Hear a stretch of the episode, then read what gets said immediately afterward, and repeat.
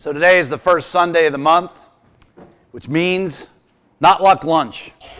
Okay? That means there is lunch provided downstairs. Hopefully, you'll be able to stay. Maybe you brought something, maybe you didn't.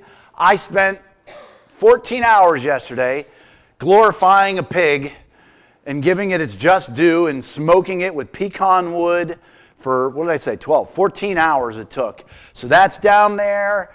Got some roast beef down there. Other people brought stuff. I hope you can stay because it's just a great time to sit. We talked about it last week. Jesus sat and he ate with his disciples.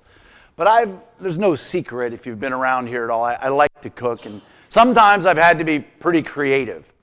One of my very most creative times ever was in Romania. I was on a mission trip, and we were at an orphanage in Romania. Little known fact, not near here. Okay? Quite a jaunt. Different uh, cuisine, different culture than ours. Now, they fed us well, I'll give them that. They said it was pork. I never saw a pig the entire time I was in Romania. Saw plenty of dogs, never saw a pig. All I'm saying is, whatever it was, it was delicious. But come the evening, I would get hungry, and we were done with the day's work. There was this little store nearby, and they had different kinds of snacks and whatnot. And so they had chicken chips. Chicken chips. Potato chips made to taste like chicken. Now, because I was afraid of the, the cuisine over here, I brought this big jug of Red Hot with me. And so I was like, wait a minute. I've got it. I'm going to make like pretend wings. And so I would add red hot to the chicken chips. And I was so smitten with myself. I'm like, these are just like wings. The first night, and the second night less so. And we were there for two weeks. And after two weeks of pretend chicken wings, it was time to come home. And the only problem was I was really far. I mean, I had to get a bus to Budapest a plane to Germany, another plane to New York, and then a plane home. And as you know, if you're in Pittsburgh, once you get to the airport, are you home? No, you're nowhere near home. For those of us who drive people to the airport, that in of itself, you're like downtown through two tunnels. But I finally made it home, and I knew that it was time to come home. But not everybody knows that it's time to come home. At the 9 a.m., I use this man's name, but because this is recorded and he has killed over 69 people, I will not. But there's a guy that owns a local gym. He has served our country in great fashion. He is a man's man. If you don't know what that means, you're not one of them. I mean, he is as tough and hardcore as it gets, a patriot. He is a fitness freak. He is a brother in Christ. He's all those things. And he went out one time on St. Patrick's Day and he just had a great time at the parade. And the parade bled into the afternoon where the, the regality continued and he had a great afternoon. But he was starting to be less of himself and more of his dark self. And it got to the point as the early evening crested that his wife had to do what but tell him, it's time to go home because he wasn't looking to go home at this point in time. This big, tough, bearded, strong man was being told by his wife, It's time to go home. And just by chance, Rachel and I were pulling into a parking garage in Shadyside while they were coming out. And this man of all men rolls his window down in the back seat and he looks over at us and he goes, Going home. yeah, going home. He may have been drinking. I don't know if that's what happens on St. Patrick's Day or not. He didn't know he needed to go home. He had to be told it was time to return home. And that's where we find in about 8, 800 BC where the Israelites are. They, they're told it's time to return because they have, they have wandered off. They're, they were good at wandering originally, but now they've done it spiritually, where they're worshiping other gods. They're following the Canaanite gods. They're worshiping Baal. They're doing the right things the wrong way, and they have completely been lost. And we're following what's known as a minor prophet, which wouldn't that stink? I mean, you become a prophet of God, and history knows you as a minor prophet. Now, that's only because of the length of the books. But we're following Hosea. We're going to look at his story and his part in history. I first heard of Hosea when I was in Young Life training. Perhaps I'd heard of him before, but a guy that was doing our training got up and he said, You know what I've been doing? He said, I've been spending some time with some dear friends, my dear friends, the minor prophets. And they said, He said, they're, they're very lonely. He said, Nobody really visits them very often. He said, But they have such a story to tell us. And I'll always remember that. One, because he was so well said and gave me a, a desire to learn more about them. But then he went on to teach us about the book of John that he would recite for us each day before he would teach us. He had memorized the book of John. And I remember how incredible that was and, and how much I thought he was full of himself. Like, why couldn't he read it like the rest of us? Why did he have to show us that he had it memorized? But nonetheless, we are at Hosea chapter 1. You'll find that pretty much right in the middle of your Bible. Okay, if you don't want to look for it, I'll read you mine. It says, When the Lord, verse th- uh, 2, when the Lord began to speak through Hosea, the Lord said to him, Go take to yourself an adulterous wife and children of unfaithfulness. Let's stop right there. Got a lot of things to say about that. Many of you may or not know Denny Finnegan was a pastor in Penn Hills. And Denny, one time, I was, he helped us out with Young Life. And I had just gotten done talking to a guy and said, Look, I don't know that you should date that girl because you're a devout Christian and, and she's really not. And that's, yeah, it's not a good idea. That can lead you down a bad path, everything else. And Denny, of all people, said to me, He goes, Hey, don't forget about Gomer. And I said, What? He said, Not only did he date her, he goes, God commanded, God told him to date this unfaithful woman. I was like, right, I still don't think this kid should be going out with this girl. But point number two is this How would you like to be a prophet? Let's say you'd like to be a prophet. And the Lord speaks to you. And He says, I want you to take. And you're like, the land back for you, Lord? Is that it? No, I want you to take time and focus on you and bring the people together. Is that it, Lord? No. I want you to take an adulterous wife. You're like, I've wanted to be a prophet all this time, and this is my calling. You don't get to pick the glamour jobs. God calls him to take an adulterous wife. That's a tough assignment. I mean, there's other ones in the Bible for sure. But he takes an adulterous wife and children of unfaithfulness, because the land is guilty of the vilest adultery in departing from the Lord. The adulterous wife symbolizes Israel. So we married Gomer. Let's be honest, not a good name. Not a good name. You don't meet too many. I apologize if you guys have little niece Gomer, okay? He married Gomer, daughter of Diblaim. And she was conceived, and she conceived and bore him a son. He was obedient. How often do we look at our obedience as a checklist for blessings? Okay, I'm being obedient, Lord. Make it easy for me now. All right, I called your bluff. You wanted me to marry this Gomer. All right, we're cool now, right, God? Now you shower me. Okay, I was faithful. Now I get mines.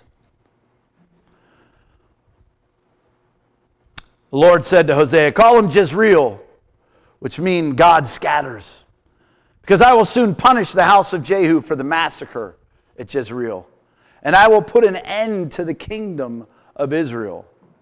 In that day I will break Israel's bow in the valley of Jezreel. As we look at God calling for Israel to return through Hosea, we have to look at ourselves. It's very easy to look at this from a scholastic standpoint. Okay, what was the situation? What did Jehu do? I encourage you to look it up. You'll see it in Samuel, 1 Kings, 2 Kings. He did some good things, he did some bad things. We can break it down in that regard. We also have to look inwardly and say, how much am I like Israel? How much have I wandered? And what I want you to realize as we go through this, just like he knows what Israel has done and what they're going to do, he knows the same with you. So, my encouragement my, my prayer for you is this time as we sit here today, you can just be real with God at least and not hide because He knows. He knows where you are.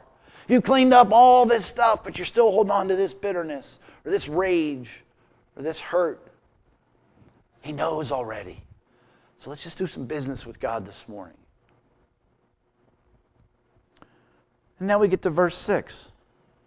It says, Gomer conceived again and gave birth to a daughter. Now, do you notice the subtle differences between verse 3 and she and where it says she conceived and bore him a son. And in verse 6, she conceived again and gave birth to a daughter, which means most likely it wasn't Hosea's. So you want me to marry somebody who's unfaithful and she's going to continue to be unfaithful? And God said, That's right. The Lord said to Hosea, Call her Lo Ruhamah, for I will no longer show love to the house of Israel, that I should at all forgive them. Yet I will show love to the house of Judah, and I will save them, not by bow, sword, or battle, or by horse or horsemen, but by the Lord their God. Well, after she had reamed, excuse me, weaned, Lo Ruhamah, Gomer had another son. Again, not to Hosea. And the Lord said, Call him Lo Ammi, for you are not my people, and I am not your God. I don't want to hear that from God. You are not my people, and I am not your God. What a stern warning. I want to hear that now before I ever wander too far. I want to come clean before Him before I ever have that said to me. But then He turns it a little bit. Verse 10 The Israelites will be like the sand on the seashore, which cannot be measured or counted.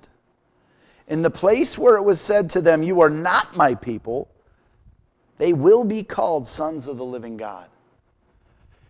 Is God talking of his redemption, his utter love, and his passion for his people? He's saying, I'm so disgusted, but I will have so much love, and I will wait. Gomer is unfaithful to Hosea, just as we are unfaithful to God. How many times have you said to God, I'm never again, starting today? And then you did it again, and you didn't start today. But God loves you oh so much. The people of Judah and the people of Israel will be reunited, and they will appoint one leader and will come up out of the land for great will be the day of Jezreel. And we go over to chapter 3. Because now we get to hear from Hosea. That's, that's a different perspective in the first part. And we have to realize a little bit here. I mentioned almost in light Hosea's plight. That, oh, I'm a prophet. Yay, great. And you just stick me right in the middle of the Bible where nobody's going to look. I don't know if he knew it would be in the middle of the Bible then. Probably not. He wasn't that kind of a prophet. But his job is to go speak to the people. And to sacrifice, is there anything more precious than your wife and your children? And God says, Here, this is the situation I want for you. Many of us want the glamour, we want the glitz, we want to have all the everything. Sometimes we're called to be Hosea and take on a Gomer and have these kids from who knows where, so that the people will know.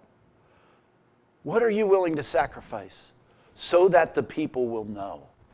So that the people can hear of the love of God.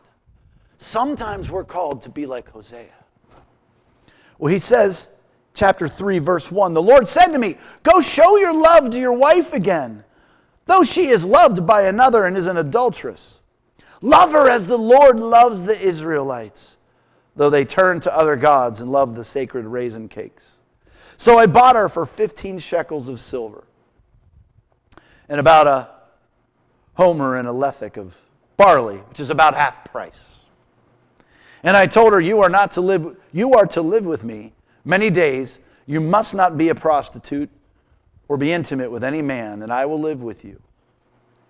For the Israelites will live many days without king or prince, without sacrifice or sacred stones, without ephod or idol.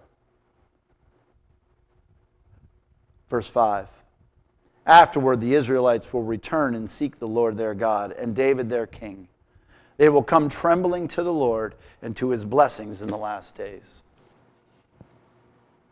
Do you need to return? I'm not saying you're in Romania. I'm not saying you're just at the airport. I'm saying, do you need to return? It's not for me to say how far away you are, it doesn't matter. One step is a thousand miles. Do you need to come trembling to the Lord and return? For you will experience his blessings. You have that opportunity here today. If you have walked your own walk, if you have gone about your own business, if you've been your own God your entire life, if you walk in here today and you said, I want to be done, you can return to the Lord and experience His blessings. It's a condition of your heart. There's no magic prayer, there's no form to sign. You say, Jesus, you died for me, so I'll live for you. And in that moment, the Holy Spirit will come upon you, and you will have the power of the everlasting God. Perhaps you have done that. Maybe you sit here today and you say, Yes, I have returned. May I encourage you to return again? Take a look at God again and say, Examine my heart, examine my spirit, and rid me of anything that is not of you. And lastly, maybe say to God, What is it you're calling me to do so that others would know? What sacrifice is it, Lord, you would have me make like Hosea that might shed a light upon who you are? Because you see, before Hosea, and by that I mean after Hosea, and more than Hosea was Jesus. Nobody gave up more. Nobody sacrificed more. And we get to experience that here this morning and remember that one more time as we take the Lord's Supper. The only requirement is if you have decided to follow Jesus Christ as your Lord and Savior, then you are welcome to share in communion with us. We will distribute the elements, hold on to them together. Hold on to them, and then we'll take them together. And use the time as the music plays to get right with God. Maybe come trembling back to Him one more time. Let's pray. God, we thank you for this morning. We thank you that you are always aware of where we are and what's going on. So, Father, help us to rid ourselves of the games we play and to just come clean, to be honest, to confess our sins, and to return to you once more.